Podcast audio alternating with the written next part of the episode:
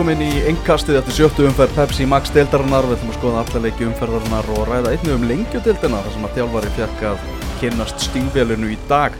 Þáttu dagsins sendur út frá Ölveri í Glæsibæ þar sem hægt er að fá sér eitt kaldan og horfa á alla fótbollaleiki Við erum búin að koma okkur fyrir hérna í betri stofunni.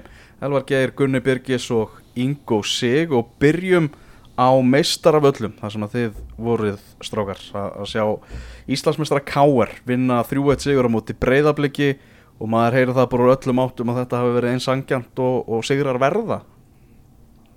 Byrja. Uh, já, það Jú, ég, það er svo sem það er svo sem hægt að taka undir það.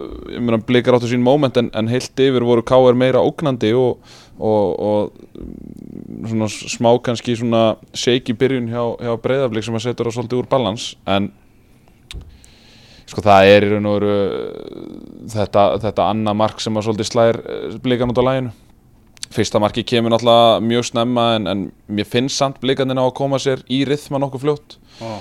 uh, blikarnir ná nokkrum fínum leikstöðum úr 2-1 stöðunni en, en svo er þetta þriðja mark sem að, sem að í raun og veru drepur alla þá von. Þannig að jú, sigurinn er, sigurinn er sangjarn og, og vandræði breyðafleiks varnarlega að halda áfram mm -hmm. breyta náttúrulega hann um kerfi. Viktor Rútt Markísson kemur inn. Hann var í basli, segja mann mm, Já, já, já, hann, hann, var í, hann, var í, hann var í nokkuð miklu basti, ég meina hann, ég meina varnamæður sem er tekin út af í hálfleik, náttúrulega, kannski svona, gefur auðarlega að tjálvarinn kannski var ekki, var ekki sáttur, eða allavega vildi breyta til. Uh, og það var sótt stíft á hann og uh, það var alveg greinilegt að, að káringa voru viðbúnir því að, að breyðabli gæti farið í fjóramannavörn, hafa náttúrulega mikið verið í, í þryggjamannavörninni en, en færa núna í raun og veru andra jómann inn á, á miðsvæðið og, og og fara þá í þessa fjóramanna vörð uh, K.R. bara seglaðist í gegnum þetta og, og já, ég get alveg samt þetta að Sigurinn var, var nokkuð verðskuldar Seglaðist í gegn, var þetta hefðböndi seglu Sigur K.R. Mér fannst þeir eru óvinni góður eiginlega, mér fannst þeir eru hérna ríkalega massíur og, og hérna voru bara að spila skemmtilega og heldur bóltana meira en maður hérna hefur kannski oft séður og hérna Stefán Árni stórkoslegur fannst mér á, á vinstri vagnum uh, virkilega skemmtilegur og, og samaskapi teku undir náttúrulega með vandræði hérna Viktors. Hann hérna hann er að spila sem fyrsta leik í sumar í, í dild uh, held ég sé að fara með rétt mál. Ekki langt þegar hann kom úr sótkví líka. Já og hérna Mér fannst svona, þetta leit aldrei út eins og, og verkefni var aðeins og stort fyrir hann kannski á þessum tíumpunkti líka náttúrulega kannski að spila úr stöðu. Uh, Andri náttúrulega færur hann einn á miðjuna en, en hérna mér fannst það bara mjög ábyrrandi hvað Viktor var í miklu strögglu bæði án og með bolta uh, því miður fyrir hann því annars hérna, mjög fyrir spilari og allt það.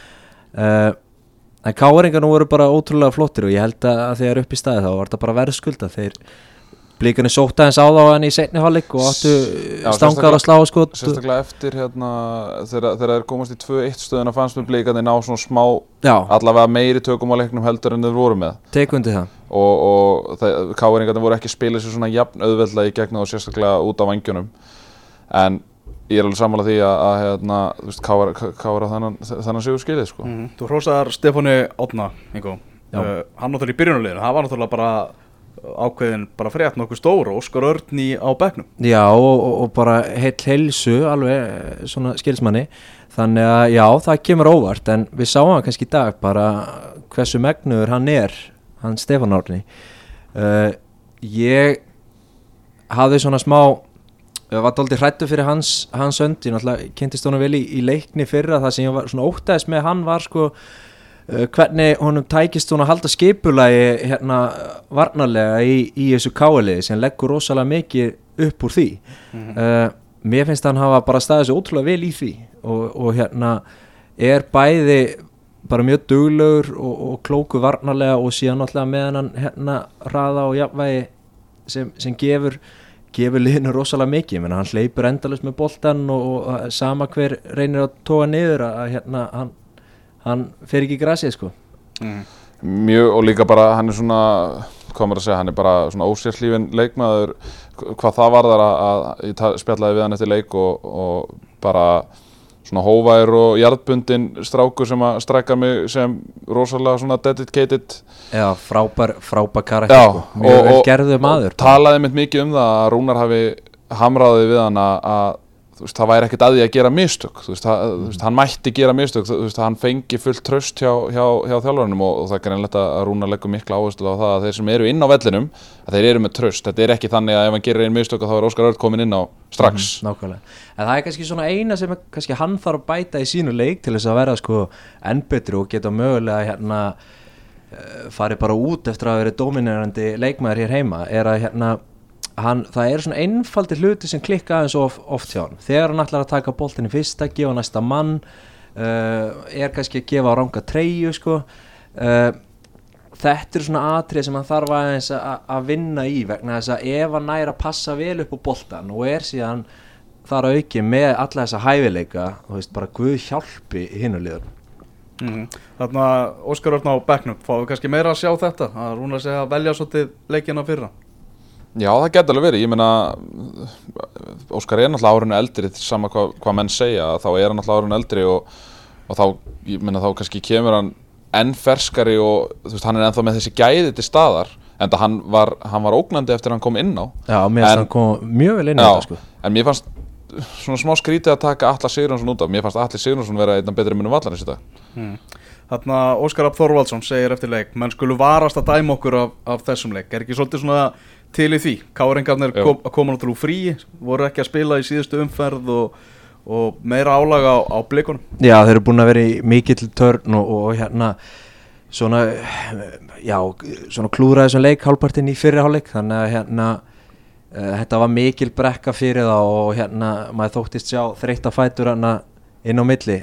Að það er alveg búinn undir lókin og, og hérna hjæltum náran á sér og eitthvað svo leiðis en það sem að blíkandi náttúrulega geta verið svekti með er uh, eins og ég nefni aftur í þessari 2-1 stöðu þeir, eru, þeir fá ágæti stöður til þess að klára sín færi. Uh, og oft er þetta menn að koma inn af köntunum annarkvort Kvame eða Höskuldur eða Brynjólfur utalega eða eitthvað svo leiðis en þetta þriðja mark náttúrulega ég svo sem eftir að sjá það aftur en, en frá mér séð allavega setjandi nokkuð nálægt þessu að þá átti þetta þriðja mark aldrei að fá að standa því að tæklingin á Finn Orra var náttúrulega glæfraleg í, í aðdraðandurum á markinu og, og það var það sem að blíkandi voru að kvarta, kvarta sáran yfir þarna eftir markið. Uh, enga síður frábært slútt hjá Pablo Puniat sem að af því að allir Sigurðarsson var tekin út á þessum tímabúti þá fannst mér Pablo vera besti maður vallanis úti því að það var bara vinslan í honum var Já. algjörlega sturglu sko. stórkostlegur hann hleypur ja, um bara, allt og, eða bara ótrúlegt en Ég- líka, líka sjáu bara með þegar hann er með boltan þú veist, bara móttökur og sendingar Já. og þú veist, hann er svo hann er svo hrikalega mikilvæg fyrir káeringa líka í því, hann heldur svo vel í boltan hann heldur svo vel í boltan en samt sem áður með hrikalega flottar positífa sendingar fram á við Mhm. þar að segja er að finna menn annarkvort í hlaupum er að finna senderinn sem getur haldið honum stiður vel við hann. Bara hann og, hann og, hann og Pálmi stigu ekki mörg feilsporun á miðunni í, í kvöld. Já, þetta er, þetta er uh, þannig. Þrýr sigrar í röð náttúrulega á blikum. Byrjuðu mótið þannig, núna eru þrýleikir í röð ánsegus Já, og, og prógrami verður ekkert auðveldara og, og hérna, þannig að en ég er svo sem, ég get alveg keift eða ekkert keift, ég meina ég get alveg skilið þessi orða óskars að vera ekki dæmað á, af þessum þremur leikjum. Ég uh, þú veist eins og ég segi, ég meina áttu svona undir eðlilegum kringustæðum að klára þennan F-leik uh, óhefnir, eða ekki, ekki óhefnir en, en, en svona hefðu allavega geta kríjað út stig þó að það hefði kannski ekki verið sangjant þá hefðu þeir geta kríjað út stig en það verður mjög frólægt þegar ég að val í næsta leik ekki, nei, Jú, val. Eða ekki val í næsta leik? Já. það er einn helvíti fróðlegu leikur. Fá þá viku í kvíld en, Já. en, en það er eitt í þessu sko, það sem maður velti fyrir sér hann í fyrirháleik hægri bakurasta breyðabliks Andrea Jögumann, hann náttúrulega gerir sig um smá mistökarna algjörlega út úr stöðu spila síðan á miðjun í dag sem maður skilur alveg út hann er stórkostlegu miðjumæður uh, hva, og veist, hvernig ætlaði að leysa þetta með Hann- hægri bakurastöðuna þegar þið spila fjórumanna þeir, þú veist á sama tíma og þeir lána Arnarsvein sem hefur unni Viktor Örn er náttúrulega ekki natural born hægri bak Nei, ég segi það sko. það, veist, en- það er bara raun og veru, ef maður lítur yfir hópin þá er raun og veru engin natural born hægri bakur. En þá veltir maður fyrir sér veist, eins og Arnarsveit Gesson gata hann ekki veist, spila, vera hann áfram að spila til dæmis leika eins og þennan hefði hann ekki verið fullkominn til þess að- spila hennar leik En sættir hann sig við það hlutverk að vera þú veist, til dæmis eins og jú, ég, ég get keift það í svona leikjum Mhm. að, að þú veist, þá hefði hann geta nýst uh, en sættir hann sig við það hlutverk, er hann komin á þann stað á ferlinum að hann sættir sig við það hlutverk að vera uh, í einhverjum og kannski flestum leikjum uh, var að skefa já, svo er það, eða þú veist, maður að því að þú veist, mér finnst vera, mér finnst vera mikill skortur á þessu leikmunum sem að, sem að svona setla sig ekki, þú veist, að því að oft er því kentum metnaðaleysi Mhm. en mér finnst vera skortur á svona leikmunum sem að settlast í hóp, vita sitt hlutverk og eru ekki að raska ronni þó að þeir fá ekki einhverja mínútur hingað og þangað eða eitthvað svo leiðis akkurat. En, en þú veist, eins og segi, ég hef ekkert fyrir mér í þessu en ég velti Ja, því fyrir mér ég velti því fyrir mér, vildi hann ekki bara fara og spila? Jú, það geti vel verið en þú veist, hann náttúrulega samningsbundin breyðablík, var lánaður. Þú veist, þetta er leikmaður sem hefur unnið hérna og var, var tvisvar sinnum Íslandsmeistari með valsmönnum núna síðust árum. Og, og það er kannski eitthvað sem hefur, hefur líka verið rætt um að vanti kannski blíkulegum en þeir mistu Guðjón Pétur og Arnarsvegin sem eru veist, sem hafa unnið þetta allt og gert þetta allt saman áður og það er kannski ekkert offrambóða þeim mönnum í, í breyðablík Þarna þessi, þetta tap káringa á móti háká, það bara lítur svo, þetta er svo mikil frík úslið og sér það káringa er búin að vinna alla hinna sína, háká verður ekki gert neitt nema að vinna þennan leik. bara með hverjum deginum sem líður Já. þá, þá undra ég mig ennþá meira á þessu ég, Já. eða, þú veist, bara háká hefur, Há- HK hefur valla geta neitt síðan þessi leiku var á meðan að KR hefur bara vallast í félspór síðan þessi leiku var. Þetta, þetta var one-off hjá báðum liðum. Í raun og veru sko, í raun og veru. Og ég spurði Rúnar einmitt út í þetta eftir leik og veist, hann, hann var auðvitað ennþá svektur en hann var samt ekkert að stressa sig eitthvað á þessu. Hann sagði bara að hákáingarnir væru góðir í því sem að þeir eru góðir í. Og þeir leistu leikina móti, móti KR bara frábælega en, en uh, hann talaði nú um að, sem er svo sem alveg rétt að KR svo sem dómineraði þann leik sérstaklega í fyrirháleik en þetta er rosalega skrítin úrslit. Uh, Stökkum yfir í aðra leiki, það var náttúrulega annar stórleikur, Valur mætti stjörnunni, ég skellti mér á, hlýðarenda og 0-0 auðvitað lokatölu þar og mér fannst bara einhvern veginn eins og Óli Jó og Heimi Guðjóns sem að þekka hvern annan gjössamlega út og inn hafi bara nullað hvern annan inn út, það var bara pattstaða á Origo völlinum. Valsmenn svona aðeins betri háleik, maður sá að stjörnumenn voru skiljanlega svolítið reyðgæðir Uh, Hilmar átni átti þarna sláaskotur aukaspinnu, Patrik Pedersen kom komst nálátti að skora, Halli Björns með vörslu, Siggi Lár kom líflugur inn á bekknum Gói Líð spilaði sinn fyrsta leik, kom inn á 60. annari mínútu byrjaði, byrjaði meðal varamanna hjá, hjá stjörnunni uh, vantilega ekki sáttu við það Nei, ég, ég, ég, veist, ég ger ekki ráð fyrir því. Ég menn hann er vantilega að fara þarna til þess að reyna að spila 90 minnur í hverju leik. Já. En þeir hafa ekki, ekki ákveðið að setja hann í, í, í startið þannig að hann spurning hvernig þetta þróast. Það er eiginlega bara En ég meina stig á hlýðar en það hlýtur að vera bara ásættalegt fyrir lið sem er að koma að segja hennar sótkví Já, ég held að sé emitt bara, ég ætla að koma inn á það.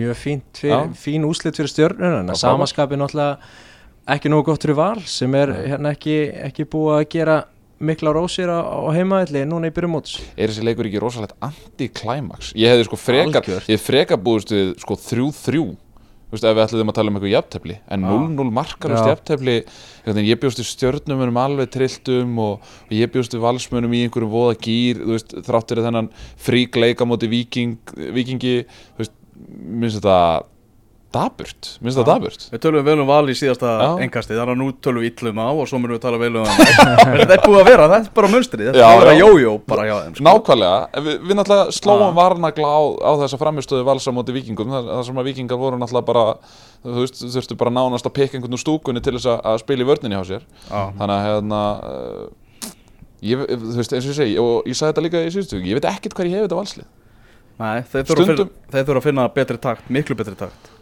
og já, þessi leikur er ekkert, ekkert merkilegur og bara maður leiksins var Pétur Guðmundsson dómari sko. Hann hann var, Það er nú jákvæmt að já, það að það hann var bestu með að vallarins. Mjög áhugaverð úrslit á í Kaplakrikavelli þar sem að FH mætti fylki.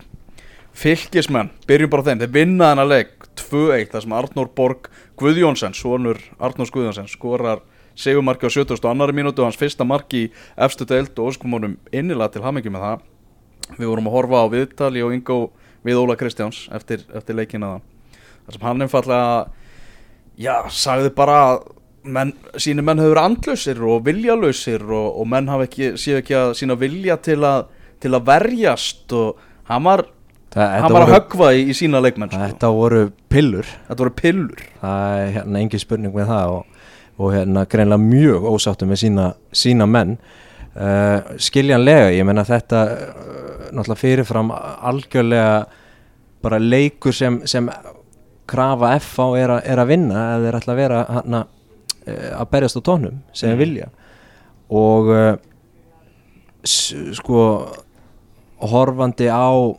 mörkin og svona helstu atvik úr leiknum að þá var F á ansi langt frá sínu besta og eiginlega svona freka mikið synda eftir fínan leik á móti breyðablika sem þeir fá stiga útvelli að ná ekki að fylgja því betur eftir. Uh, ég veit ekki, mér fannst þetta bara þeir voru eitthvað neðin sjálfur sér vestir í vörninni og, og, og Óli Kristjáns var ekkert að hérna ljúa neinu þar og hérna Guðma Þóris náttúrulega leit frekar illa út hann í, í fyrsta markinu. Já, bara væga sagt, hann leit alveg skelvilega út þegar Þórður Gunnar Hafþórsson náði að, að skora, þetta er ekki annað marki hans, var hann ekki búinn að skora eitt?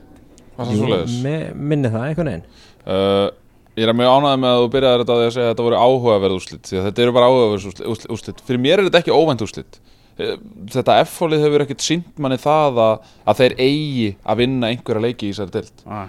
Veist, þá erum við bara að tala um F-fá fyrir f- þú veist, 3, 4, 5 árum síðan mm. það, það F-fólið á að vinna svona leik þetta F-fólið, það þarf bara að berjast fyrir öllu sínu, það er bara svo leiðis og, og allt tala um að, að, fylgir á heimavelli eigi að vera Volkinni Park, ég meina þú veist, þeir, ha þeir hafi raun og verið ekkert sínt þeir, þeir, þeir sína það í þessum stærri leikjum að, að þeir stíga upp í þeim fyrir utan leikurinn á móti Viking voru flottir á móti breðablík, þeir með alveg eiga það en, en það breytir samt ekki því að þeir þurfa að berjast með kjafti og klóm fyrir hver einasta stíi í þessari deild og, fylgismenn, ég meina hvað er þetta að segja, ég meina þeir eru á toppnum það, Þetta er ótrúlegur árangur hjá fylki, bara allt rósa á, á fylkismenn. Ég skal bara viðurkenna það að þeir eru að koma mér alveg gríðarlega óvart. og líka sko það að uh, það, við höfum sér lítið að Óla Skúla, Helgi Valur meiðist uh, þeir eru að setja Sam ungan Hjússon búin að vera á bekknum. Sam Hjússon er búin að vera á bekknum þeir eru að setja ungan og algjörlega óreindan uh, inn á miðsvæðinu þar að segja þetta er leikmaður Arnó Gauti Jónsson sem að spilaði sem hafsend hjá, hjá, hjá afturhaldingu í fyrra. Hann er núna allt í einu að spila sem djúpur miðjumæður og hann er bara með hróka og það er bara kassin út og, og hérna búin að vera geggjaður í þessum tveimur leikjum sem hann hefur spilað. Og þeir eru ná í hann bara um daginn já, já, já. Og, og bara mjög confident í öllum sínum aðgerðum og, og gaf miðumönum FH ekki sko þumlung eftir og Jair er að koma vel inn í þetta við kannski Hann er vagnar, með assist í dag og já, Ah. það, er, það er ég veit um nokkra sem gleðast yfir því og Já. svo eru við náttúrulega með svo ég nefni það enn og eftir, ég meina Valdimar Þór Ingemundarsson bara þú veist, mikilvægi hans í þessu, í þessu fylgisliði verður verður seint nægilega mikil smetið sko Hann átt að skora í kvöldmaður. Já, og, og hérna líka bara eitt sem þú gleymur að, að telja upp það er Atli Sveit, þjálfari já, sem veist bara hérna það er einhvern veginn svona þá settu margir spurningumerki við þetta Eh, þeir sem þekkja alla vita náttúrulega hvað hann er mikið gæða blóð en einhvern veginn svona það öskra ekkert á manna að þarna væri að ferðin einhver kannski framtíða þjálfar endilega mm. hann er að koma ég meina, koma bara hrikalega vel inn í þetta og greinilega að gera, gera góða hluti en, en að því sögðu þá erum við náttúrulega Já, er, jú, við erum komin eitthvað inn í mótið þetta verður kannski ekki svona gott fyrir það í allt sumar uh, Fjóri sigurleikir í röð, það er a- a- ansi nei, gott. já, já, En- það- En það en ber vel að gert taka hjá þeim alla, fyrir eins og Já. segir. Það búið Já. svo, svolítið svona einhvern veginn neikvað umræða fyrir mótið um svona þjálfara ringekju hjá fylki og allt annað. Þeir eru með 12 stík, já, sko. og annað honorable mention er náttúrulega Aron, Aron Markmaður sem að ver algjörlega líkil vöslu á 90. mínútu og svona gull tryggir stíðin þrjú sko algjörlega maður hefur heyrt fólk í lautinni að vera svona kannski ekki alveg vist með hann hann hefur verið að gera svona mistök hinguð á þangað Mhm. en, en í grunninn er þetta, er þetta flottu markmaður og sýnir þarna okkur hann stendur á milli stangana í, í, í árbænum sko Mm.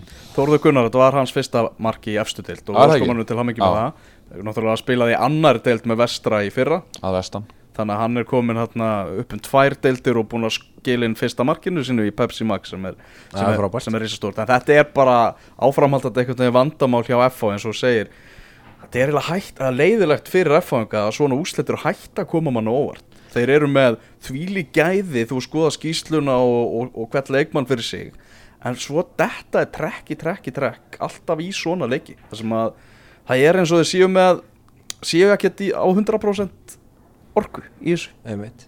En það sem situr mest í mér eftir þennan leik er af hverju er Óli Kristjáns að fara þá að leiða að tala við þá í gegnum fjölmila Nei, mér finnst það bara mjög fín leið út af því að sko mano í mano, þú veist maður á mann þá nærðu bara einhverju x miklu til leikmanna. Það, þú veist, meiri hlutin fer inn um eitt og út um hitt. En í fjölmjölu þá ertu að tala við allan leikmannahópin, ég meina Heimi Guðjóns gerir þetta oft með já, hann talaði akkurat. með F-liðið Nei, mér finnst bara svona áhugavert að sjá hann er að, er að fara, veist, það var alveg mjög greinlegt hann er að fara þessa leið, hann er að, að hérna, hann er að senda pillu á sína menn. Að reyna að stuða þá. Já, Já, já, alveg klárt. En sko, en, en ef við höldum áfram að tala um að þessi úrslit er kannski ekki að koma hana óvart Ég meina, bara ef við förum yfir undirbúinustímabilið á FH Vissulega var mikið rót á liðinu og, og annað slíkt og neikvæð umræða sem að myndaðist um FH í, í haust og í vetur En það breytir þetta ekki því að, að þeir tapa fyrir breyðarblik 4-1 Þeir tapa fyrir Grindavík 3-2 Þeir gera jafntefli við Gróttu 1-1 Þeir gera jafntefli við Þór 0-0 Þetta er allt saman bara úrslit í lengjubeikarnum mm -hmm. Þú þarf ekki að fara lengra aftur en það Þannig að þú veist, hva, hvað, hvað átti það að vera sem að hafi breyst svona stórkostlega þegar við komum inn í mótið? en það var náttúrulega, veist, þeir náttúrulega grættu mikið á þessu hérna, COVID-frí eins og við rættum, uh, höfum komið inn á að hérna, þá einhvern veginn svona, hafa, virtist þeirra léttara yfir einhvern veginn og komist á einhvern svona nullpunkti voru að fá Daniel Hafsteins inn, það var hérna orðurómur um að Emil Hallfreys var að koma heim. Trublaði það ekki bara? svo er það. Uh, kannski valið spurning. Pétur Viðas kom aftur. Þú veist það voru svona jákvæð teikn og var eitthvað svona jákvæð ára yfir F en síðan einhvern veginn svona núna aðeins komin inn í móti þá sjá kannski flestir já ok eru ekki bara hérna veist, sama gamla. Já, já, já, ég, eh, þú veist, eins og ég segi, ég, ég er alveg sammálaði að, þú veist, manni fannst svona einhvern veginn, já, ok, þarna er verið að bara, þarna er verið að blása í alla herlúðra og, og hérna, það er bara verið að fá F-fóðingana heim og Matti Villa er á leiðinni heim og Emil Hallfreðs og ég veit ekki hvað, og Pétur alltaf Viðars og, hörðinga og og hérna, kaupa hörðinga og þá hugsaði maður bara, já, ok, þú veist, nú, nú er þetta bara komið í gang, Óli er bara komið alla á sitt band og þú veist, þá smellur þetta bara, en annað er bara að koma daginn. Já, það þarf að vera miklu meiri stöðuleiki í framistu mm. Það er alveg hárétt Þeir, eru- Svo var leikur á Akurri á Greifavellinu þar sem að Káa og Fjölnir áttust við og uh, Kristján Jáló komin í markið hjá Káa uh, Aron Dagur Bytnusson bekkjaður eftir slaka framistu í, í síðustu umferð. Hvað skilabóður það? Fyrir unga markmann? að Já, Jáló sé orðin markmaður nummer 1 Það er bara svo leiðis, Það er þannig. Já. Og nú er það bara hans að reyna að vinna stöðuna aftur. En ég meina, þú gerir, gerir maður einhvern tímann tvær markmannsbreytingar, þú veist, gerir, er, er ekki, er ekki markmannsbreyting, er hún ekki bara á, í eina áttina? Gerir einhvern tímann markmannsbreytingu tilbaka? Það sem ég er að segja er, er ekki bara Aron þá búinn hjá Káa? Já, Já það er spurning Af því að ég meina, sko, þú ert ekkert mikið að rótera markmenn Nei. vinna út sko það, það er nefnilega málið. Pe Þú- Petro Hippolito gerða reyndar með já, árangri já, Já, já. það, það var, Hva, hvað er hann niðurkomin í dag? hann lítur að sækjum á Ólafsvík. Já, það ekki en, hérna, en eins og ég segi, þú veist fyrir mér er, þetta mikið af því að mér finnst Arondá, ég meina Arondá var til dæmis bara flottur á móti blikum mjög flottur á móti blikum Mm. þó, að, hérna, þó að ég vildi meina að þó einhverju vildi meina að það hefði verið brot. Uh, auðvitað gerir hann þrjú rosalega afdrifarík mistök á móti fylki. En þetta er sko, hvar, hvar, hvar ætlar Káa að staðsetja sig? Ætla þeir að spila alltaf upp á úslitin reyna að komast eins óval og hægt er? Ætla þeir að vera svona einhvers konar feederklub ætla þeir að, að búa til leikmenn? Ætla þeir að búa til markmenn ætlar að búa til. Eða, knaspunufélag Norðurlands eins og var hérna Óli Stefán talaði um Já, eftir Norður, Norðurlands úrvalið Já, Já. þannig að þú veist ég held að, ég held að Káa þurfi svolítið að staðsetja sig í, þessa, í þessum ring og þessum fasa hvar þeir ætla að vera. Af því að þeir, þeir get ekki verið allt sko. Veist, það, það, þeir, þeir eru bara ekki nægilega stórt battið til þess að vera allt. Mm uh, Breinar Ingi Bjarnason kom uh, Káa yfir strax á fyrstu mínúti í þessum leik eftir hotspinnu Orri Þórhalsson jafnaði fyrir fjölnismenn á 21. mínútu. Hans fyrsta mark í öfstu deild fleiri hamingjóskir en úslitin urðu 1-1 Uh, er það ekki bara ágættis uppskera fyrir, fyrir fjölni? Fyrir fjölni, jú, jú, klálega fara fyrir káa en, en gott fyrir fjölni? Að fara, no, að fara norður og sækja punta á móti svona frekar særðu káaliði að það er bara mjög stert ég bjóst við káamönum alveg trilltum í hennan leik. Og, og ég bjóst þannig sé við bara að káamöndi kaffarafjölni á, á Akureyravelli þannig að þessi úslit svona ef, ef ég á að segja fyrir mína parta þetta eru svona þau úslit sem koma mér hvað mest á óvart í þessari umferð að þarna sá ég káa alveg klárlega ná í þrjú stig og aðeins koma pressunni af sér Við vorum að tala um þessa í síðasta þetta, þessa tvo leiki. Það er þennan leik og svo heimaleika móti gróttu í næstu umferð. Sem eiginlega bara svolítið, stiltu þeim svolítið upp sem úslita leikjum fyrir, fyrir Óla Stefán og ég heyrði einhverja sögu, einhverja sögu sem ég veit ekki hvað hva til í að, að það væri eiginlega bara þannig frá káamönnum líka. Já, ég meina, ég held að það sé allt í lagi Ég meina, Já, það, er sett, það eru setta kröfur á leikmenn Það er allt í lagi að setja kröfur á þjálfara Ég líka meina Það þetta þarf er að bara raun, raunveruleiki þjálfara Já. í fótbolta hver sem er í heiminum að- og verður hann á í úslit Og þetta voru vondúslit. Þetta voru vond úslit en, en þeir eiga náttúrulega grótuna hérna næst og, og það er náttúrulega bara það er risa stór leikur fyrir káa Já, þetta eru vondúslit En það- og, og líka bara ekki nægilega góð framist það því að þeir áttu ekkert meira skilu úr þessum leik heldur en eitt stig. Nei, í, raun og veru ekki. En það sem að ég er að tala um með þessu, þessu, þessu móti Þú veist, að, káa þurfa að skapa sér eitthvað móti Að veist, að þeir eru með fullt af flottum efnið. Ég meina, við, við erum nýbúin að sjá Daniel Hafsteins fara út. Ég meina, Áski Sigurgis væri farin út ef ekki væri fyrir öll þessi meðsli Bjarni Aðarsteins er mjög flottur leikmaður. Brynjar er mjög flottur leikmaður. Aron er flottur markmaður. Svo Eh, eru þeir með fullorins og svo eru þeir líka með fullorðinsleikmenn og ég meina Hallgrími Mar á góðum degi er náttúrulega af betri leikmennu dildarinnar uh, Guðmundur, Guðmundur hérna, Steinn er búin að sanna sig sem, sem flottur sendir í pepsitildinni uh, og svo náttúrulega býður maður eftir að sjá þennan Dýbril Abu Bakar ég, þú veist, maður veit ekki alveg hvað hann getur en hann er allavega, hann er rosalega hávaksin hann er eiginlega komið á óvart hvað hann, Hann er með hávaksin hæðina með Já, sér hann er með hæðina með sér, heldur betur. En, en, en ég vona káamanna vegna að þessi gróttuleiku fari vel. Talandu um gróttu, grótta mætti í ægjar og tapaði þar 0-4 á heimavelli. Sem leik var bara lokið í, í fyrirháleik 12 Alvar, Alvar dómari, hann endi ekki einu svona dæma setna áleikin og sagði þetta bara gott og innkom ungur dómari, Gunnar Ottur heitir hann, sem að var að dæma sinn, heitir hann ekki? Jú, Gunnar Róttur Hafliðarsson minnum við Já, Já, hann er búin að vera í svona tröppugangi upp, upp stegan Já, ég sá hennan strák, stór og staðilegu stráku Dæmi einhver að leggja á svona COVID-undirbúinstímabilinu Já. Þegar þetta var að fara að byrja aftur og mér leist alveg feikilega vel á hann Þá er hug, myndamann svolítið á Vilhjálm Alvar. Þannig að þarna, Jóng Vilhólmur Álar já, hann leisti hann af þarna í setni hálfleik og, og já, 24 ára Og var að dæma á símamótinu fyrir um daginn. Já, já, það er bara Já. Það er þessi eðlilegi, það er þessi eðlilegi dómara fasi Það er, Já, það er hérna Þannig að hann fór sér hann í Pepsi Max um kvöldið óvænt og, og, og, það er alltaf einhverja Hann- jákvæðar fréttir í, í dómaramálum líka. Hann hefur oft hérna, dæmt hjá mér og hann er einn af þessum svona maður hefur ekkert upp á hann að klaga sem er svona það, bestu meðmæli sem hættir að fá held ég sem dómari. Mm Já, já, algjörlega, ég meina þú vilt náttúrulega þetta séu engir, engir aðaleikarar. Já, byrjum á skagamunum Stigasöfnum þeirra er náttúrulega til bara háborunar fyrirmyndar.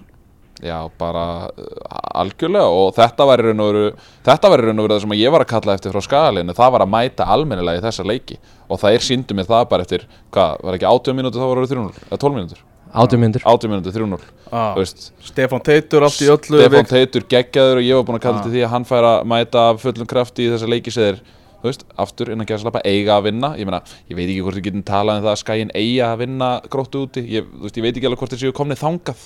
En allavega, þú veist alveg klárt að þetta er frábær sigur hjá Ía og, og Stefán Teitur flottur uh, Viktor Jóns á flugi. Viktor Jóns á miklu flugi og, og, og mér finnst geggjað að sjá að Viktor Jóns talar um það bara sjálfur að, að hann veit að hann á að gera betur. Hann er ekki farið neina felu með eitt neina eitt hann, er, að, veist, hann veit alveg hvað hann getur og, og hérna veist, það var mikið talað um hann sem einhvern neðri deilda sendir svona, svona, hann og Björgvin Stefánsson einhvern veginn hafa alltaf verið settir í sama hatt einhvern veginn, að þeir væru bara leikmenn sem getur bara skorað í neðri, neðri deildum en, en Viktor er að sína það með sinnum framistöðum bæði þarna og náttúrulega á móti val þar sem hann var bara með leik upp á tíu að, að þetta er leikmaður sem að lið þurfa að varast alveg eins og þess að topp, topp settara í þessari deild. Það mörkinu skoðu, skoðuð í þessum leik Það var varnarleikur gróttu hörmung og auðmikið hákon í markinu átti disaster leik. Þetta var bara stórslisa leikur Það er hægt að skrifa fyrstu þrjú mörk leiksins á, á strákinn sko. Já, þetta var bara sorglegt að horfa upp á þetta vegna þess að maður hefur séð Hákon og hversu, hversu hann er megnur og sem hann til dæmis strax bara í fyrstu umferð sko á móti, móti blíkunum uh, þetta var uh, já, þetta var bara mjög vond framist að hjá honum og maður vonar veist, hann er kornungur og, og maður heldur með honum og, og, og hérna og hann hefur allt til brunns að bera til þess að vera frábæð markmaður þannig að, að ég ætla auðvitað þetta er, þetta er vond, vond framista en, en þú veist ég vona að þetta veri one-off Já, ég vona það svo sannarlega Ég hugsa það, ég hugsa, ég hugsa, sko, ég hugsa markmannstæðan hjá gróttu sé það sem að þeir þurfa að hafa hvað minnstar áhyggjur af, myndi ég halda. já, svo er það annar punktur sko. Já, það, eru, eru ansi mörg skörð önnur sem að, sem að þarf aðeins að, kíkja á. Þetta er rosalegt verkefni fyrir unga markmann að vera settur Já, já. Hann er að fá bara orra hríða á sig leik eftir leik, fyrsta tímabilið hans í efstu deild og, Mhm. og varnarleik og vörninn fyrir framann hann ekki öflur en þetta sko. Svo veit ég ekki hversu mikið þetta, þetta hjálpar ungum leikmanni öll þessi umræða sem hann fekk eftir fyrsta leikinu mútið blikum út af því að vissulega hann alltaf færa sér þrjúmarkan hann á tvær, þrjár alveg bara stórbrotna markuslir í þeim leik og, og menn töluðu mjög fallega um hann og, og það, það er ekkert af ástæða lausu. Ég hugsa að menn hafi nú alveg séð hvað þessi markmaður getur að, að hann er hann er rosalega lungin á fótunum hann er þessi nútíma markmaður, hann er hávaksinn hann er uh, ágætis, ágætis presens í honum og auðvitað er þetta náttúrulega bara leikmaður sem hættir að læra helling. Og, og þú veist, bara eins og við sáum með Arondag að, að hérna, hann færi raun og veru ekki næsta leik til þess að læra af þessum mistökum og gera betur. Uh, ég ætla rétt að vona að gróta færi nú ekki í eitthvað svoleiðis því að, því að þannig er, þannig er bara þannig ertu með bara topp, topp söluvöru fyrst og fremst. Algjörlega. Uh, gróta með fjögusteg með ekkert vera eða allt og miklu tíma eða svo ekki að segja á þessu þeir þurfa bara að halda áfram. Það verður brekka hjá þeim, einhverjum einasta og þeir þurfa náttúrulega bara aðeins að fara að skoða heimavöllin hjá sér sko. það er, Ég- það er nú eitthvað skrítið í gangi að sko. ég bara skil ekki þessar sveiflur í framistöðunum þegar þeir eru eins og við vorum á móti ía þá er þetta bara með því verra sem maður hefur séð í aðstu deild Já. en síðan aftur á móti, ég meina það eru nokkri dagar síðan þeir voru frábæru á móti fjölni Já. og, og hérna alveg bara náðu frábæri sko. um daginn og ég bara ski, ég næ ekki utan um þetta þetta er svo svakalega sveiflur Þetta er rosalegt En við erum að tala um heimavöllin hjá Gróttu Við vorum að tala um heimavöllin hjá Val sem er ekki, ekki að gefa mikið. Tölum þá um heimavöllin hjá Háká Það sem að Háká mætti, mætti vikingum Kóren sem á að vera leikil maður í, í Háká liðinu Hann er ekki að gefa neitt Og Háká hefur í raun og veru Þegar það öllu á botningvolt Ekki gert mikið annað heldur en þessi frík úslita móti, móti Káar Nei og ég held að það hefur fríðað svolítið frá slæmri umræðu. Það er að, að þeir hafi farið bara í frostaskjóla og unni 3-0 Já, en þetta er alveg rétt svo þú segir að kórin nefnilega kórin, ég meina kórin gaði þeim alveg rosalega í fyrra. Og árin þar á undan í, í neðri dildunum en, en eh, sko kórin, þegar kórin hættur að gefa þá eru ansi mörg víi fallin hjá hákáingum það er nú bara eins og það er. Þeir fengu svo gott færi á að vinna Víking Reykjavík í gær Því að Víkingar gátu 0 Bara Ví- nákvæmlega 0 Víkingar eiginlega sögðu bara Gjöru þið svo vel hákáingar, þetta er eitthvað sens. Sko, ég var vikingsmeðin í stúkunni kórnum og fólk var bara í sjokki hvað þau voru lélegir, sko. Svo allt einu komast þér yfir með mjög svo furðulegu marki, Sigur Hrannar, formannssonur vikinga í markinu á HK með ríkaleg mistök. Já, sem að, já, bara fer svolítið með þennan leik. Uh, mér fannst, mér fannst leikurinn bera þess merki hjá Háka þetta var svona, þetta var svona sjokkmark einhvern veginn, þetta var, þetta var alveg þannig. Þetta er Já, bara vendipunktur já, leiksins. Í Já, raun og veru finnst mér það sko. Samt fannst mér einhvern veginn leikurinn var það slappur í raun og veru að mér fannst eiginlega hákálega vera alveg inn í þessu fram að þessu öðru marki. Já, en voru samt einhvern veginn svo hugmyndasnöður fannst mann í algjörlega sérstaklega sko. fram á því, það er Ég- ekkert mikið af einhverjum svona mjög opnum færi sem voru að skapa sér sko. Nei, En- þetta var bara frekar vond áhorfs sko. Já, í raun og veru, en, en veist, ef við getum tekið eitthvað jákvætt úr þessum leika þá er það náttúrulega bara að, að vikingur klárið þó þennan leik að, ég því, ég, ætla, þú veist, ég tók þetta með þegar F-fáinga fóru í korun og unnu Mm. gerðu það ekkert með glæsibrak Mhm. liðum áeila að vera sama, sama um spilamennsku í kórnum bara svo lengi sem að stíin eru þrjú á meðan deildin er líka að spilast svona ah. þá snýst þetta bara um að sapna stig þú veist, af því að Já. það er einhvern veginn öll að vinna alla þannig að það er svo dýrt að tapa stigum þarna um leið og tvö stig hefur farið í súgin þarna hjá vikingum með þessari hrotta framistöðu þá værum við núna hér bara þú veist, hvað, hvað er í gangi hjá viking en af því að þeir kríu út sigur þarna þú veist, bara áfram gakka næsta leikur og, líka og bara bara, hausin upp sko. ég meina, svo fyrir að byrju, Sölvi á eitt leik eftir Já, það ekki En ég var einmitt að koma inn á það búið að vera svona hálfgerður rússibann í kringum vikingana Það er náttúrulega hérna bannið hann sölva og kára leikurinn og síðan þessi förðulegi leikur móti val. Leikurinn er gott bara að- koma hana inn í, inn í kór og bara ná í stíðin þrjú. Það, veist, þetta, það mun ekki mun eftir þessu leik hérna, sko eh, eitthvað í framtíðinni en, en þú veist, bara gott að klára þetta verkefni og veginn koma sér aftur á, á beinubrautina, vonandi, fyrir þá Já, verður náttúrulega fyrir áfælli í leiknum. Haldur Smári fer meittur af velli. Og þá uh, Er, erum við þá komin aftur á aftur á byrjunar þetta? heyra, þá var bara spurningi hvað, hvað er Arna Gunnlaugsson að fara að gera? Július Magnússon sem spilaði Hafsend í síðasta leik var inn á vellinum á miðjunni. Og Tómas Guðmundsson sem spilaði Hafsend með Júla í síðasta leik, hann var á bekknum Hvorugur þeirra fór í hafsendin. hvorur þeirra fór í hafsendin. Arna Gunnlaugsson ákvaða að fara nýja leið sem er ákveðin svona áfællistómur yfir framjöstuð þeirra í hafsendin. Með, þú veist, heldur Júla náttúrulega bara á miðjunni þar sem hann er bestur. En það var markaskorari þeirra sem að, sem að fór hérna Viktor Örlegur Andrason sem fór í hafsendin. Og Arna talaði um það að hann væri bara með svona hátt uh, fótbolta IQ Já, leist þetta bara vel. Og hann leist þetta vel. Já, já. hann var bara mjög flottur hann spilaði hann við hlið, hlið Kára en ákveðin skellur fyrir Tómas Guðmundsson á bekknum hafsend að horfa upp á það að honum sé ekki treyst í leika múti háká þá er ólíklegt að hann fái bara tröstið aftur þar sem eftirlifið tímabils. Þetta gerist í stöðinu 1-0 eða ekki? Jú, Já, þannig að hún er basically ekki treyst á að loka þessum leik. Se, Já, sem er þá í raun og veru bara þú veist, það er þá ekki nánast verið að segja bara, þú veist bara takk fyrir, takk fyrir, þín, takk fyrir þín störf. Já, Þi- hann þín ákvað að, að taka skóna fram aftur. En þú veist, þá er hann eiginlega bara orðin æfingavarnamaður í raun og veru sko. það er í raun og veru. er bara svona sem búið þriðimarkmaður einhvern veginn. Já. uh, En svo er annað uh, þú veist, ætli, ætli, ætli Arna fari í, í þryggjamanna vartalínu með Kára í hjartanu í næsta leik eða hvernig? Já, sko, hann tók nú nokkra útfæslur í þessu leik. Já. endaði leikinni í 3-5-2 sko. Þannig að hérna, hann er náttúrulega bara til alls líklegur, hann er alltaf að hræri þessu. Ég, ég hérna kalla vikingarna bara góða að vita hvaða taktikar er að spila hverju sinni sko. það, er, hérna, það er það mikið ringla með þetta. En, en, en það er kannski hann vill hluta því að Arna kannski vill vera svona ódreifnulegur og, og hérna geta verið með mörg vopn á hendi. Algjörlega og á þessari tækni öll sem við liðum þar sem að einhvern veginn nánast er hægt að greina allt bara as we go að, að, hérna, að þá er það náttúrulega kostur og galli Já, ég held að sé fín að lína á milli já, sko. mjög fín lína að því að hérna, sem leikmaður þá viltu náttúrulega ekki hafa of mikið rót og því að þú vilt geta vita þitt hlutverk 100% Akkurat. kannski veist ekki þitt hlutverk 100% í, í, í fimm mismunandi leikjörum eða eitthvað svoleiðis Mhm. ekki þannig að Arnar sé að drilla þetta þeim um betur en allavega framistaða upp á akkurat 4,5 hjá vikingum í mínum kokkabókum allavega. Já, En ég stílaði svo sem inn á það alla vestunarskóla ganguna Þannig að þú veist, það er bara, þú veist ég, Og ég meina, ég útskrifaði Þetta staðar er, þetta er einhvern sem þú þekki vel. Já, já, mjög vel.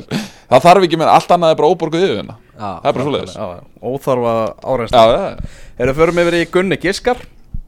Uh, Föstudagskvöld Stjarnan Háká í, í, á Samsung-vellinu það er einn mikið ofbóðslega kæmið að mér óvart ef þetta var eitthvað annað en einn. Já, sammála því. Fjölnir FH, fjögur á laugardag. X. Á sama tíma Stór, stór leikur Fyrir Óla Stefán. Káa Gróta einn. Fylgir Káar á sunnudaginn 17.30 einn. Sigur Fylgir Já. Wow. Fimm í röð Fimm í Já, röði að fylgja og leggja Káar Það væri stórt. Já. Víkingur Ía. 19.15 á sunnudag. Þetta er Þetta er einn Þetta er trikki maður. Já, Þetta þetta er er ekki sko. Rósalega, þú veist Hefur maður einhvern tíma verið jafn spe spenntu fyrir jafn mörgum leikjum í þessari deild? Og það, út af því að það er að koma svona frík úslit hingað og þangað Þú veist, fyrir, fyrir tveimur, þremur árum Víkingur fylgir, þú veist, ég hef ekki einu svona tekið hann sko, ég hef ekki einu svona tekið mörkin úr hann sko. Já, Breiðablík Valur. Uh, Hann er átta á sunnudagskvöld. Einn. Það Sigur Breiðablíks á, á móti Val. Ég ætla að breyta fylgir Káur í X. Ég er svona, já, ég er Ok, ekki alveg Eftir ok. að Ingo sagði fimm í röð þá einhvern veginn Það bara sló mig alveg út af læginu Fylgir að vinna fimm í röð Það sló mig alveg út af læginu Já, nákvæmlega. Þannig að, já, Breiðablík vinnu, vinnu Val þar sem að Anton Ari mætir, mætir sínu gamla félagi. Já, og það er að fullt af sögulínum í kringum eða bara hvern einasta leik. Það er nefnilega líka málið. Já, og sérstaklega með hérna, öllum þessum þjálfara færslum og þú veist ég meina Óskar Hafna að mæta KR og Óli að mæta Val og þú veist það er svona fullt af þetta er, fullt af þetta er geggjudeild Já, þetta er bara nefnilega sko. ótrúlega skemmtileg deild. Já Heyrðu, förum yfir í lengjudeldina og förum yfir í stórar fréttur úr lengjudeldin í dag þegar uh, það uh, var tilkynnt frá Ólásvík að þeir væru búin að láta þjálfaran sinn fara. Jón Páll Pálmarsson sem að tók við liðinu fyrir þetta tímabil af Eyjúb Púrisevits sjálfum. Það hefur Eyjúb hefur nú einu svona áður kvart Ólásvík og það fór ekki vel fyrir manninu sem að tók við honum. Uh, það er erfitt að taka við af Eyjúb Púrisevits í Ólásvík og, og Jón Páll var ekki efstur á blaði hjá Olsurum þegar kom að því að finna mann í staðin fyrir hann og ég held að margir hafi með sagt nei svona verið hálf hrættir við að fara í skóna hjá Eyjúb á þeim tíma. En það var Jón Páll sem að sem að hrættist ekki þessa áskorun en hann er núna orðin atvinnlaus eftir að hafa verið látin taka pókan sinn. Og margt áhugavert við þetta. Það hefur eitthvað komið upp á. Það er alveg morgunljóst vegna þess að Ólafsvík vann síðasta leik hjá, hjá sér. Uh, unnu Magna á útivelli 2-1 svo, og sá leikur var hvað á laugadaginn eða eitthvað? Já, bara um helgina. Já, bara um helgina og svo allt innu núna á, á, á mánudagskvöldi eða seðlapart, setnipart mánudags þá fær hann allt innu stígvelið og brottreksturinn og, og allt hannig og maður sér það bara á, á fréttatilkynning Gólsara þar sem ég segja við ætlum ekki að svo stöttu að tjá okkur frekar um þetta mál Jón Páll vill ekki segja annað heldur bara ég var rekin þannig að nú er allir að spyrja hvað gerðist í Ólasvík Ég ræsti strax út, út, út mína bestu menn í Ólafsvík og, og hérna, hringdi nokkuð síntöl og, og það, þar eru stuðningsmenn slegnir og, og þá aðalega af því að það fylgja þessu engar útskýringar hvort sem að það sé vilji stjórnarinnar eða, eða vilji Jón Páls kemur hvergi fram. Uh, ef, að- ef að svo, svo er rétt að, að þetta er broti starfi að það náttúrulega geti þetta unni mig en, en stuðningsmenn allavega voru Jón Páls menn. Og þa þá er ég að tala um þessa hörðu stuðningsmenn þessar sem að hafa verið í kringun liðið í Ok. mörg ár. Þannig að stuðningsmenn voru komnir á band Jóns Páls og, og það hef ég frá bara mjög tröstum og örugum heimildum uh, stuðningsmennum fannst liðið verið að spila flottan bolta auðvitað hefðu úrslitin mátt vera betri en sérstaklega eftir sigur í síðasta leik að þá fannst mönnum vera líf að kvikna í Ólasvík Er þá líkur á því að það sé inn í leikmannahópnum? Það sé eitthvað að seinast milli hans og leikmanna eða? Já, annarkvort það eða það ég myndi, kem- ég myndi alls ekki útiloka það að, að finnst- þetta sé ágreiningur milli þjálfara og stjórnar. Mér finnst hérna Mér finnst þetta svo- sjokkerandi vegna þess að nú þekki ég stjórnarmenn vikings mjög vel og þetta eru algjörir herramenn og miklur öðlingar og ég hefði aldrei trúað að þeir myndu ég fara að reka mann eftir nokkra umferðir fyrir einhverja smámunni þetta er náttúrulega að þið- að þið- þú ert- Algjörlega, þetta eru þannig gaurar. Þetta er ekki, Þetta Þeir eru ekki bara- að taka risa ákvarðanir nema búin að hugsa máli vel. Þeir bara stökkvi ekki á eitthvað og sko. þeir hljóta að kynna eftirmannans bara í fyrramálið. Ég meina þú, þú ferð ekki í svona aðgerðir nema að vera með eitthvað plan B. Ég, ég Já, ef eitthvað kemur upp á, skilur du já en er, Þú veist, ef, að, ef að hann gerist brotlegur í starfi já, já, en, veist, eins og ég segi það, það er rosalega eldfimt að ætla að fara að tjá sig eitthvað um þetta núna því að, því að náttúrulega ef þetta er ekki brotið í starfi að það náttúrulega þarf í raun og verið ekkert að ræða það. Og, og þanga til annað kemur í ljós að það náttúrulega sko yfirlýsingin yfirlýsingin Jón, Jón, Jón Páll hefur fengið sína gaggrinni í gegnum tíðina fyrir að vera of mikil fígúra. Mm, fyrir of, og eitthvað veginn svona karakterin sem hann er og, og allt hannig og búin að eiga margar áhugaverða setningar í viðtölum og allt hannig hann er náttúrulega gjör ólíkur Eyjó Púrisevits. Þetta er allt annar gaur sem hann kom með sko. já en þeir hljóta að hafa að vita það samt áður en þeir réðan en þeir, þá endur tekið það. Hann var ekki blaði, hann var ekki nummer 2 hann var ekki nummer 3, hann var ekki nummer 4 þegar Víkingur Ólafsvík reði mann í staðin fyrir Eyjó sko. þeir voru svolítið komnur með bakið uppi veggi í þjálfara leitinni hjá sér. Og var þetta ekki bara eitthvað þannig? Heyrðu, ok, tökum þennan séns Ég held að það sé nokkuð augljóst. Er, já, Eh, en, en hérna eins og ég segi, maður bara svona er hálf sjokkaraður yfir þessu vegna þess að sko Víkingur Ólusvík, þetta er, þetta er frábært félag og það er svo gott fólk hérna og, og, og þetta er svona algjört drauma félag og, og hérna þeir fara ekki í eitthvað svona nema, nema vel ígrunduðu máli. Ég, bara ég, öðru trúi ég ekki upp á það, sko. En, en maður getur svo lítið sagt vegna þess að yfirlýsingin, þú veist, svona Yfirlýs- yfirlýsingar er, er alltaf svona freka vondar vegna þess að hann er fyrir fólk að geti Já. eða svona vera sögu til og við ykkur veist, fleiri spurningar nefnilega. Ég meina við höfum bara fulla rétt á því að vera fabulegur um þetta því að við fáum ekki svör. Já, þannig að það er bara það sem þeir fá í andliti og þurfa bara að díla við að við erum að Akkurat. fabulegur um þetta. Hvort haldið þið sjálfur að þetta sé hafi verið eitthvað kott sem fyllt í mælin sé eitthvað sem er búið að vera að gerast og bara þeir fengur nóg núna eða haldið að þetta hafi verið bara eitthvað eitt stórt atvik sem að gera verkum þar ákvaða regn mér finnst vegna þess að þetta er eins og þrjum ár heiðskjöru lofti þá líður með þannig að, að, að það hafi komið eitthvað upp ah.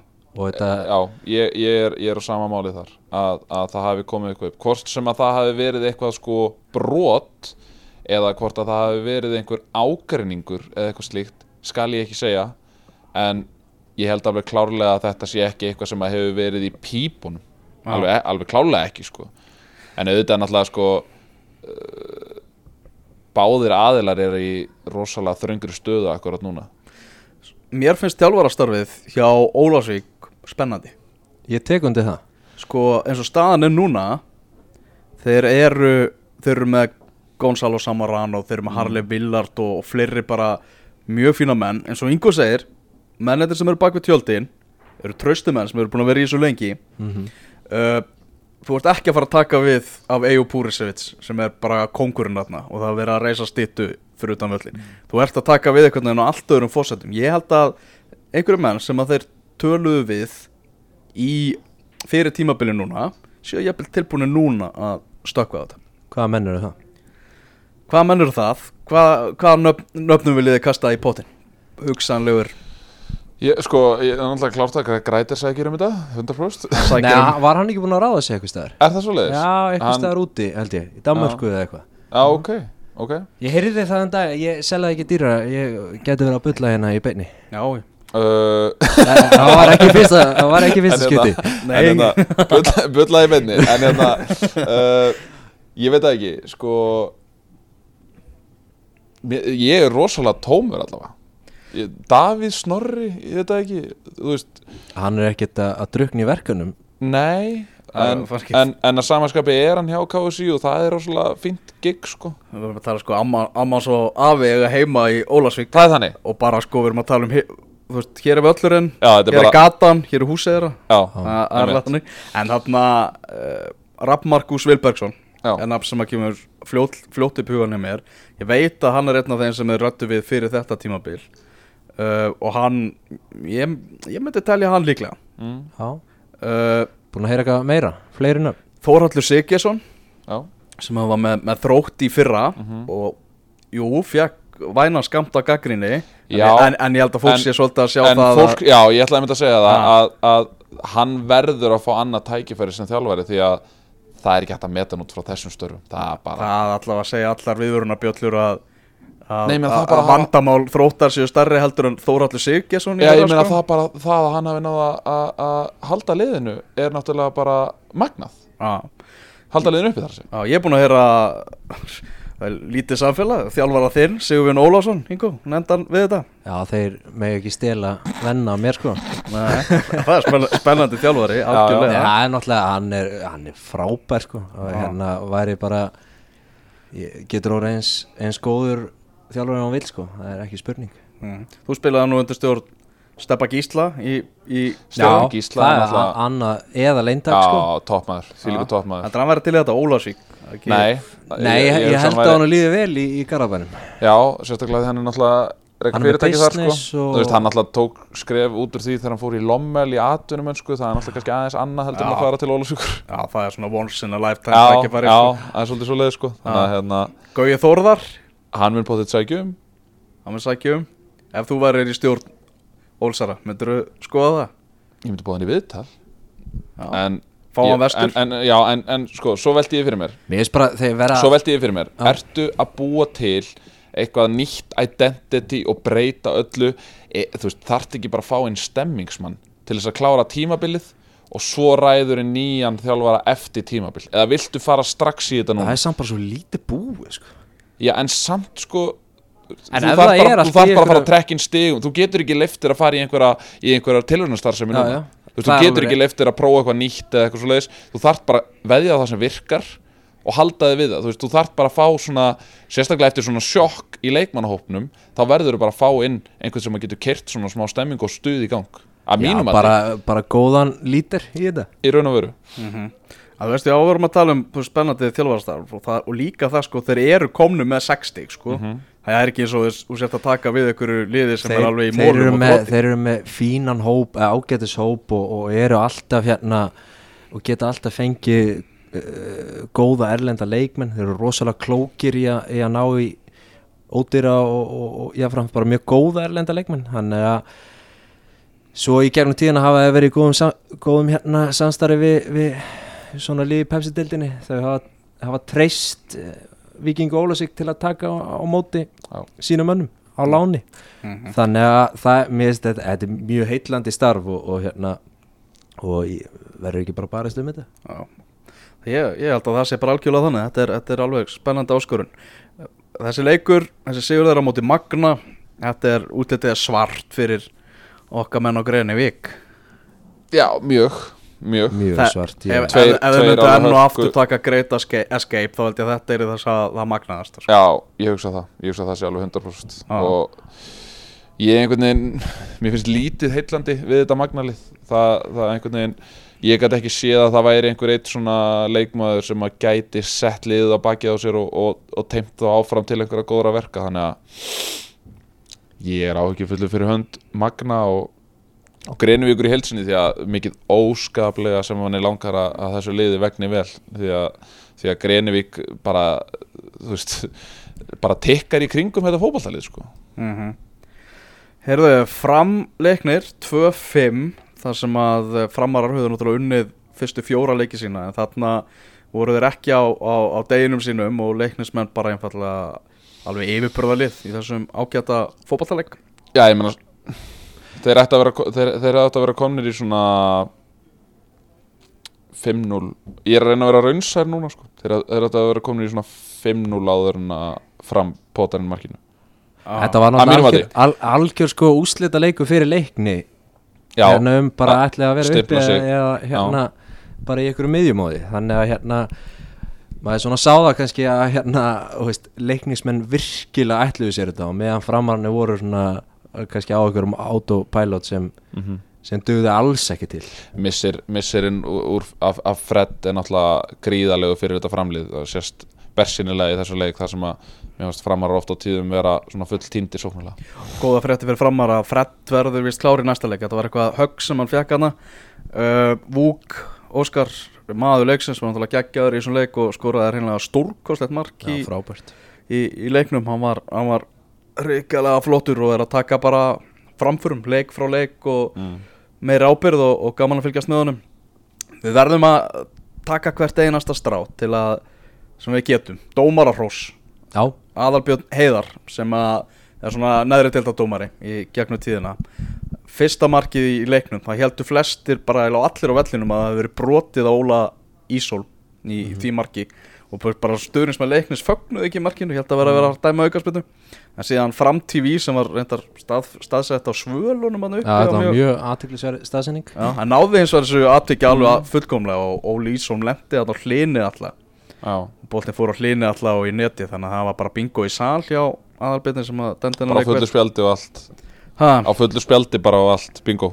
Já, Já. bara algjörlega full, full spjall bara í fyrstu tilrun Geggjað er þannig að já, þetta var flott svar hjá leiknismönnum sem eiga séðan uh, Magna í næsta, næsta leik á heimavelli Vest, Eh, Þeir verða nú ekki mikið meiri skildusýrarnir heldur en, heldur en það það er ekki hægt að finna Nei, me meiri skildur sér en það en úslitur náttúrulega í þessari umferð þjættu pakkan hrikalega mikið í efri helmingi mm Mhm. lengjudildarinnar og það stefnir allt í bara bilað mót til enda þar Mhm. Það eru 6 stig úr, úr öðru seti í tíunda Já. Eitt lið samt að stimpla sig algjörlega úr, úr, úr þeirri topparáttu Við á það bara hérna eftir. Er ekki bara komin það núna? Já, Ég fór- fór... við séum að tala um samanleikin við erum að fara að tala um keflaðið Já, já, við erum að tala um keflaði Þór. Já, það er Keflavík Þór, þess að Þór sé að stimpla svo. Já, bara. Herru, ég fór til Keflavíkur. Já. ákvað að taka brautin og ég sá svo sannarlega ekki eftir því. Þetta var Maggi Þóris fyrir um dómari, hann var á grillinu fekk mér vallaborgara frá Já, honum. ok. Príðilega fítn og, og leikurinn Keflavík endar með því að vinna hana leik 2-1 9 á móti 11 við erum að tala um það að Frans Elvason var raut eftir hálftíma og Kian Williams eftir 80 mínútur. Og þeir voru svo vittlausir sko.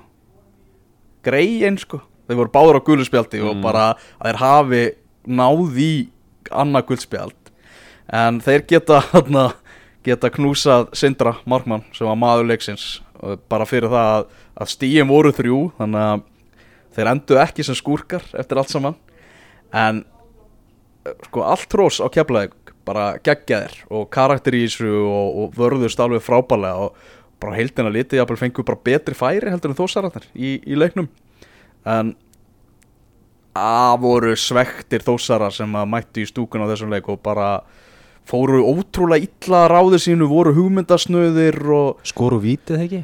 Þetta er bara annar leikurinn í röð sem er tapa líka þrátt fyrir að, fyrir, þrátt fyrir að vera þarf að vera manni fleiri vera Og manni núna fleiri, sko. tveimur mönnum fleiri Já. Tveimur mönnum fleiri í tíu mínútur Með upp á það tíma. Þú getur ekki ætlast til þess að vera að gera allu eða einhverju pepsi deildasæti eða þú getur ekki klárað Keflavík með níu menn inn á og vestra á heimavelli með tíu menn inn á Þeir voru alveg brjálaður til dómaran Að auðvitað. Þarna í, fyrir, í leiknum á móti vestra. Þarna gáttu er bara sjálfum sér um kent Einmitt. Og ekkert annað sko. Ég, ég meina, þú veist, aftur að, að akkuraraliðanum að, að, veist, ég veit hvað, ég veit ekki alveg hvar maður hefur Þór. Ég meina, Þór, þú veist, maður hefði haldið að þetta væri bara lið sem ætti að berjast um það alltaf að fara upp og, og ætti að vera svona að dansa þennan línu dans milli deildan einhvern veginn.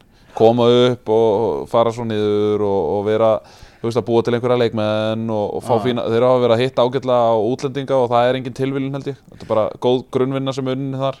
Það er eiginlega þannig virkað með þósarana Ef þú nærða að stoppa Alvaro Montego Það er bara hálfur sigur unnin bara 100% hann er bara hann er, hann er það sem að fær liðið til þess að- tikka einhvern veginn mm Kíkjum á fleiri leiki IBVF 1, Grindavík 1 Það geta eitthvað rosalega fjöruleikur en, en þetta er stórleikur síndur í beitni og Stefán Ingi Sigurðarsson skoraði aftur lánsmaðurinn úr, úr breyðabliki, kom Grindavík yfir í leik og, þessu leik og Jón Ingarsson jafna síðan 1-1 bara svolítið stert fyrir Björsa félaga eftir skellin sem þau fengum út IBVF í byggarnum þarna var þannig að fara til eiga og, og ná í stig. Já, það bara mjög vel gert. Ég talaði um það beint eftir þann leik uh, menn voru nú ekki sammálaði en, en ég einhvern veginn tók ekkert mark á þeim leik uh, Djokotovic ekki með Gunnar Þorsteinsson ekki með Alexander Veigar ekki með. Þetta er líka byggar, þú er Og plús- 2-3-0 undir og leikurinn búinn já, já, það var bara að leikurinn búinn. En bara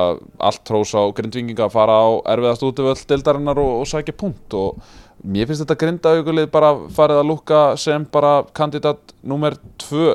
Fyrir mér er grindaugulið á pappirum næst besta lið deildarinnar þeir eru betra á pappirum heldur en keflaðið að mínum mati. Þeir eru betra á pappirum heldur en leiknir að mínum mati. Þeir eru betra á pappirum heldur en fram að mínum mati. Og ég meta sem svo að því að þannig ertu með leikmenn sem að voru með liðinu í úrvalstild uh, margir. Uh, þú ert að bæta við leikmennum sem að hafa reynslu úr úrvalstild eða erlendu leikmennum pluss það að þetta nýjasta fitt er að setja Stefán Inga upp á topp á meðan að Gummi Maggi er myndur að þetta virðist bara vera frábæla unnið hjá, hjá Björsar Heiðars og, og hans teimi uh, Vestri þróttur sá ágæti leikur.